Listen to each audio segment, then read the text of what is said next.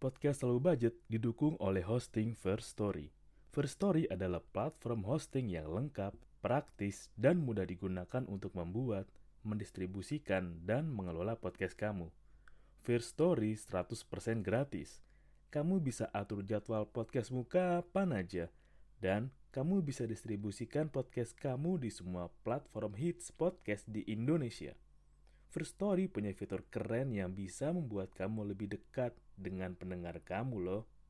Sudah penasaran belum sama First Story? Eits, ada lagi nih. Dengan First Story Ads, kamu bisa monetisasi podcast kamu juga. Menarik bukan? Gapai potensi maksimal podcastmu dengan tools dari platform hosting terbaik untuk para podcaster.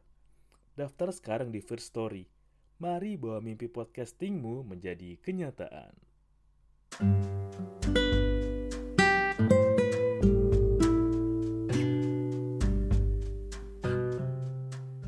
Halo semuanya, selamat datang di Siniar Low Budget. Nggak harus mahal untuk nikmatin hidup barengan sama gue, Doni Wijaksono. Emang jadi gue telat beberapa hari sih buat update Siniar ini, karena emang minggu ini dari Senin kemarin gue udah mulai WFO lagi setelah dua minggu WFA dan setelah ya setelah gue masa pemulihan balik ke kantor lagi menyesuaikan dengan keadaan yang normal lagi dan ditambah dengan sakit gigi gue yang yang bisa dibilang cukup nyiksa ya. Kayaknya kalau sekarang ya udahlah mendingan gue sakit hati deh daripada sakit gigi. Jadi buat lo yang belum tahu nih jadi ketika lo nanti usia dewasa ada gigi yang bakal tumbuh. Jadi kayak emang udah kodrat gitulah. Ada empat gigi ya di atas dua kanan kiri bawah juga dua kanan kiri. Nah hmm, tahun lalu tuh baru gigi kiri gue yang numbuh. Geraham bungsu. Itu wah gila. Sakit banget dan itu yang bikin gue nggak bisa ngomong sampai gue inget banget sakit saking sakitnya gigi kiri gue dan itu setengah muka gue rasanya sakit banget parah.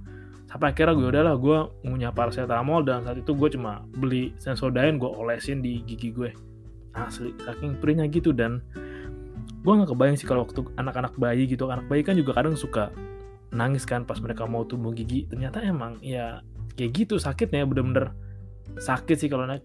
Bayi kan ya nangis nangis gitu kan. Nangis nggak berhenti berhenti kalau orang udah gede ya.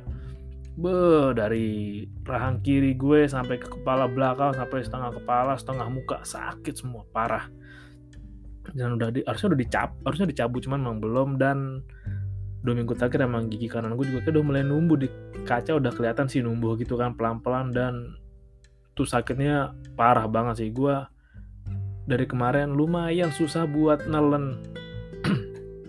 Jadi emang sakitnya tuh ya lu bayangin aja gue jadi makannya makan lembut-lembut terus kalau makan juga pelan dan lama banget. Karena kalau makan sebelah kanan be jadi kayak ada empuk-empuk ke gigi lu ketekan makanan terus yang ces uh. Gila sih. Ya semoga emang bisa dicabut. Dan buat lo yang belum tahu nih jadi emang gigi itu emang bukan hal yang bisa lo remehin ya karena setelah gue tanya-tanya ke beberapa sumber aja untuk cabut ini gigi ini karena emang harus ke spesialis bedah mulut sekali tindakan itu ya minimal 3 sampai 5 juta lah. Jadi itulah pentingnya lo punya dana darurat. Pentingnya lo harus penting punya asuransi buat ngejaga diri lo dan lo penting-penting lah untuk ngejaga gigi lo juga. Karena emang gigi dan mata itu salah satu perawatan yang ekstra mahal ya. Dan pas baru awal masuk emang gue sempat oleng sih. Jadi saking olengnya gue sempat lupa jalan ke kantor gue kayak, gue ngeblank gitu kan kayak ini gue lewat mana ya? Terus gue bengong kayak anjir oh iya untung gue nggak salah jalan loh. Tinggal lurus doang jalannya. Ngeblank juga sih dan emang bener-bener lagi parah dan udah seminggu ini kerja belum kelar. Tapi gue sempetin dong bikin senior dong karena emang gue suka. Dan ada beberapa sih topik yang pingin banget gue bahas keresahan gue lah dari Februari ini dari masa isoman juga itu tadi intermezzo aja. Dan untuk beberapa waktu ketika lagi di jalan gue juga seneng sih ngeliatin orang-orang di sekeliling gue. Ya para pengendara lain yang sama-sama motornya itu bisa diperhatikan kayak ada yang ya pakai motor-motor yang lama atau motor-motor yang baru. Dan yang suka gue amatin adalah kalau ada di sebelah kanan kiri gue ada motor yang lama lah uh, motor tahun 2005 2006 dan platnya masih panjang artinya emang itu motor udah lama digunain dan para ya pemiliknya pas sudah lama banget kerja. Jadi emang outfit, outfit orang kerja kan emang ya celana bahan terus pakai jaket pakai helm kan helm yang full face tuh yang masih ada orang pakai yang full face yang kalau lu ngangguk sekali tuh dia ngangguknya dua kali gitu helm-helm yang longgar banget. Terus gue juga suka perhatiin sih kayak outfitnya kayak ini orang-orang yang berangkat kerja ini orang berarti sama kayak gue kan ya di jalan dengan rute yang sama ya pengen kerja di kantor. Dan gue suka penasaran juga sih hmm, mereka selama kerja udah ke mana aja ya? Udah ngapain aja ya? Hanya sempat penasaran aja dan emang beda banget sih angkatan kerja untuk angkatan dulu dan sekarang. Dan gue lebih pengen bahas ke angkatan yang sekarang aja deh angkatan ya angkatan-angkatan ketika namanya zona oh masyarakat ekonomi ASEAN ya yang belum lama itu 2010-an apa 2012-an lupa lupa inget sih. Yang baru diresmiin Pak D. Ya yang ngebahas soal bagi jadi kalau sekarang ketika lu mau kerja saingan lu bukan cuma teman-teman se alumni atau ya seprofesi lah atau sejurusan kompetitor lu tapi bisa jadi emang TKA juga termasuk sih. Atau orang dari luar negeri kayak dari India banyak kan tuh yang engineer engineer datang dari India atau dari Cina sekalipun emang banyak. Dan iya lo bersaing dengan mereka lo mencari rezeki di sini juga ya adu kompetensial dengan mereka. Apakah lo bisa lebih baik dari mereka? Apakah skill yang lo punya itu skill yang unik yang beda sehingga perusahaan atau ya startup startup itu mau nerima lo. Udah kembali ke skill masing-masing. Tapi gini sih. Hmm, gue coba mencari kata-kata bridging yang bagus. Karena emang untuk orang-orang yang kerja di era gue beda banget cara kerjanya dengan orang-orang yang ya angkatan orang tua kita lah. Yang bisa dibilang baby boomer kalau zaman dulu kan belum ada yang namanya standar gaji, belum ada yang yang namanya lu dituntut untuk bisa berinovasi dan menghasilkan pembaruan secepat mungkin. Dan kalau zaman dulu juga kan angkatan kerjanya belum banyak kan. Jadi emang ya persaingan belum seketat sekarang tuntutan untuk bisa berinovasi itu nggak segila sekarang. Karena emang lu bisa bayangin jadi ya tiap 5 menit 10 menit tuh udah ada inovasi baru yang luncur gitu yang diciptain. Jadi emang kalau sekarang ya siapa yang paling pinter-pinter bisa menciptakan sesuatu yang baru atau membuat sesuatu yang beda atau sesuatu yang bagaimana caranya bisa mendominasi pasar. Itu yang bertahan dan ya how the world works bagaimana cara dunia bekerja emang udah sedikit lebih beda dibanding yang dulu di mana ya dulu revolusi industri 01 sekarang udah 4 kan? Cara kerja juga beda. Dan gue jadi inget sih kayak hmm, beberapa orang pun memang ada yang belum bisa dibilang bisa move on dari apa yang mereka lakukan dengan aktivitas yang lama. Atau bisa dibilang ya mereka masih menganut revolusi industri 01 lah cara berpikir yang sangat jadul. Nggak mau berkembang nggak mau terbuka dengan inovasi. Emang sih untuk perubahan itu emang ada harga mahal harga mahal yang harus lu bayar nggak cuma dengan uang, tapi bisa dengan perubahan sikap, kebiasaan, dan lu juga harus nerima bahwa ketika lu semakin tua akan banyak anak muda yang lebih skillful dan siap gantiin lu kapan aja. Cuman emang kekurangan anak muda ini kan emang belum mempunyai kemampuan atau skill yang manage atau ngebaca keadaan yang baik seperti ya orang-orang yang lebih senior. Cuman emang sangat disayangkan banget ketika ya lu masih muda lu masih bisa produktif tapi emang lu lebih memilih untuk waste apa ya, wasting time lu tuh menghabiskan waktu lu tuh hanya scroll medsos atau hanya lihat-lihat review orang, lihat-lihat orang yang lagi pamer kekayaan di media sosial atau lo menghabiskan waktu lo dengan berkomen hal-hal yang menurut gue nggak penting. Ya seenggak penting kayak lo meladenin debat dengan seseorang di media sosial. Ya emang kalau lo menang lo nggak dapat apa-apa. Paling cuma dapat kebahagiaan sesaat yang oh gue menang debat nih. Sama akun random yang fotonya bukan foto asli, foto anim atau foto orang Korea yang baru satu following atau ya banyakin following tapi nggak punya followers yang nge-tweetnya banyak atau postingnya banyak. Emang gak ada guna juga lo ngadain mereka karena emang ngabisin energi lo. Dan gue juga pernah bilang kan di episode sebelumnya yang kenapa lo tiba-tiba lelah? Jadi emang ketika lo tiba-tiba lelah karena lo terlalu banyak mengonsumsi hal yang emang bisa dibilang kayak sampah lah hal yang gak berguna lah.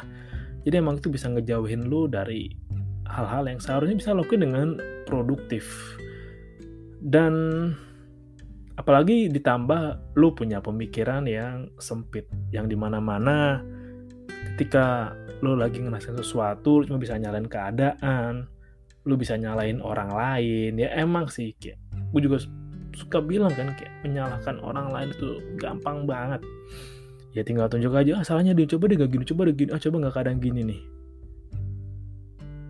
rasanya gak enak ketika lo hidup terlalu banyak menyalahkan orang lain sementara emang diri lo enggak lo tantang untuk berubah. Atau seenggaknya gini deh. Lo nggak ke mana-mana kalau lo hanya ngelakuin hal yang sama. Itu itu aja berulang selama lima hari dalam seminggu. Jadi lu nggak ke mana-mana kalau hanya ngelakuin hal yang sama, yang berulang, yang berharap ada perubahan datang. Kalau emang lo berwirausaha, pasti lo akan tertantang untuk bagaimana caranya lo bisa nambah lagi, nambah lagi, nambah lagi. Meskipun juga ada beberapa wirausaha yang ya udahlah gue flow-nya segini aja deh karena emang merasa udah damai. Oh, btw gue agak nggak setuju dengan filosofi yang bilang ya hidup biasa-biasa aja atau hidup jadi orang biasa. Karena menurut gue Tuhan udah nyiptain kita dengan sehebat mungkin dengan se wow Tuhan tuh udah menciptakan kita dengan hebat dengan segala potensi dan sayang aja kalau cuma hidup biasa-biasa aja. Coba lu sedikit ngulik dari waktu yang lu punya untuk ngelakuin hal, hal yang lu suka dan gue jadi inget sih apa kata bang Panji. Ya mungkin lo, lo emang bisa hidup kayak biasa-biasa aja. Uh ya jadi orang biasa ngelakuin hal yang biasa. Ya lo bertarung nggak pingin menang banget tapi nggak pengen kalah juga ya. Kalau menang syukur ya asal jangan kalah deh.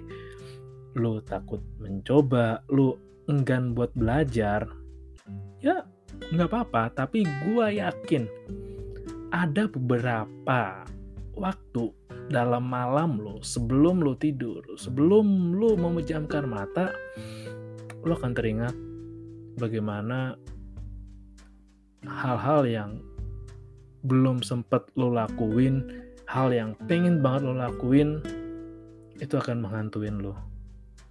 Ya, sesimpel gue pengen banget deh coba masak karena emang gue nggak pernah bisa masak masakan enak atau belajar menu-menu yang baru.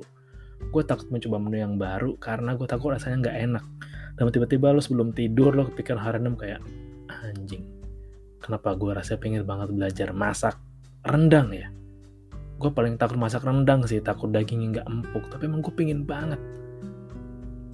Dan 12 jam 12 malam lo nggak mungkin juga bikin rendang kan dengan segala kebutuhannya dan lo cuma nyesel kepikiran anjing coba dulu gue berani nyoba masak rendang ya. Atau tiba-tiba lo keinget kayak aduh anjing coba dulu seandainya gue ikut audisi radio sekolah ya. Siapa tau gue keterima atau seenggaknya gue bisa gabung dan gue bisa mati skill gue gue pengen banget jadi penyiar radio. Itu sesuatu yang bisa aja dan bisa banget malah datang ke tengah malam lu sebelum lu tidur dengan ganggu lu. Dan lu cuma bisa meringkup nyesel nyesek sendiri kayak anjing coba dulu gue berani. Ya nggak apa-apa kalau mau ngeluh biasa-biasa tapi pasti serangan-serangan itu ya mimpi-mimpi yang belum sempet lo kejar hal-hal yang belum sempet pengen lo wujudin akan ganggu lo sebelum lo tidur. Dan mereka akan menagih lo bener kata Bang Panji sih dan aku juga pernah ngalamin. Ketika lo bunuh mimpi lo mimpi lo itu nggak bakal beneran mati. Mimpi lo akan nonjok lo mukul lo sangat keras di waktu-waktu yang nggak pernah lo duga. Dan karena emang gue sebagai low budget person nggak mau hal itu terjadi sama gue dan makanya gue gue lakuin aja hal yang mau gue lakuin. Karena gue mau ke mana-mana gue mau pergi ke banyak tempat gue mau ketemu dengan orang baru. Gue mau belajar banyak hal baru. Gue nggak mau kayak orang yang cuma bisa lari di tempat orang lari di tempat itu kan kayak orang lari di treadmill gitu kan kayak wow dia lari sekencang mungkin lari cepet kencang banget. Tapi emang nggak ke mana-mana dia cuma lari di situ-situ aja nggak ke mana-mana cuma keringetan aja keringetan emang sih. Tapi gue juga pernah baca kok ada penelitian yang bilang ya ada perbedaan orang lari di treadmill sama di dunia nyata. Bahwa di medan nyata itu tantangannya lebih lo akan ketemu aspal lo bisa ketemu hal terduga ketemu batu di tengah jalan lah kesandung apa dengan udara yang apalah. Jadi emang yang paling sebenarnya benar adalah ya di dunia nyata dan lu nggak akan ke mana-mana kalau hobi lu cuma ngedumel lu komplain lu mengeluh berharap ada kebijakan yang menolong lu berharap ada peraturan yang benar-benar ngebantu lu ya kalau itu berbicara pada tahun 1950-an mungkin iya. Tapi emang zaman udah beda dan ya tahu sendiri bagaimana apa yang terjadi di sekitar bahwa emang kita, diri kita sendiri yang harus belajar bertanggung jawab mengurus diri kita sendiri.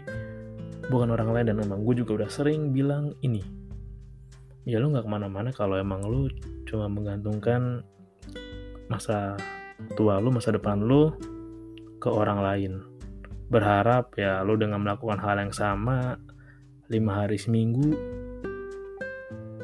dalam sebulan setahun dan lu berharap bisa naik naik naik naik terus sampai posisi tinggi ya itu nggak mungkin. Dan ada beberapa orang yang gue udah lihat kayak wow seharusnya dengan usia sekian lo udah bisa mencapai level sekian.